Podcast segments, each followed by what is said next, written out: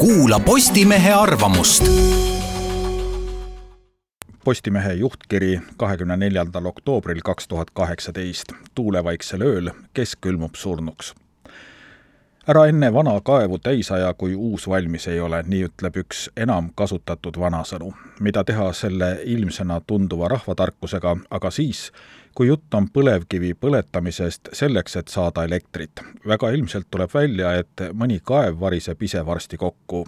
Eesti, meil on probleem on globaalne kasvuhoonegaaside probleem ja meie akuutne mure selle sees on õigupoolest see, mida ette võtta Eesti jaoks peagi saabuva uue olukorraga, kus me väga tõenäoliselt ei ole enam elektri eksportijad, sest seni käigus hoitud katelde tööiga saab lihtsalt läbi tuulikud ja päikesepaneelid on väga toredad, ent ometi jääb alles niisugune pisikene praktiline küsimus, mida teha tuulevaiksel jaanuarikuu ööl, kui õues juhtub kraadiklaas näitama kolmkümmend kraadi alla Celsiuse nulli võib-olla Saksamaa-sugune tööstuse ja inseneriteaduse hiiglane saab endale lubada ühel hetkel loobumist söe põletamisest ja järgmise teises maailma otsas toimunud sündmuse tekitatud tundetormi ajal teatada tuumaenergiast loobumisest.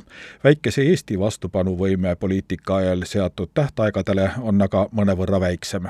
on kiiduväärne, et Eesti parlament ei läinud eile hooga kaasa vaid üht globaalset mõõdet süsinikdioksiidi emissiooni arvestava hoiatusega tõepoolest ei ole arukas heita kõrvale oma rahva heaolu ja eriti veel mälestust eelmainitud tuulevaiksest külmast jaanuariööst äratuskell, peamine sõnum peab olema ju tegelikult see, et hakkame nüüd tõsimeeli ja jõuliselt otsima uusi kaevukohti. paneme oma kõige targemad pead mõtlema, kelle jaoks, mida ja kuidas teha. muidugi äratuskellad ei kõla esimest korda eilsel Riigikogu arutelul refereeris Keskkonnakomisjoni esimees Eesti Energia vastust küsimusele, millal järgmised konkreetsed põlevkivielektriplokid suletakse.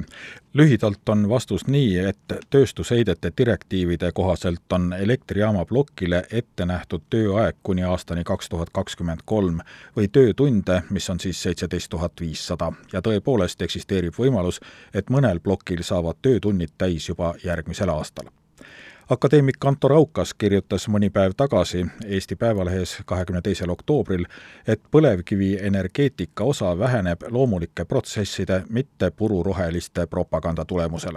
ja lisas hooga, et Eestis toimub iseenesest äärmiselt keeruka energeetika juhtimine Brüsselist ja energeetikas väheharitud kohalike poliitikute suunamisel. meeleparandusele kutsuv on enta moralitee. juba praegu peame mõtlema, mis tuleb põlevkivienergia asemele. kui meil oleks rahvana julgust anda protsendike oma ühisest rahapotist sellisele riskantsele asjale nagu teadus, siis võib-olla oleksime vastusele natukene lähemal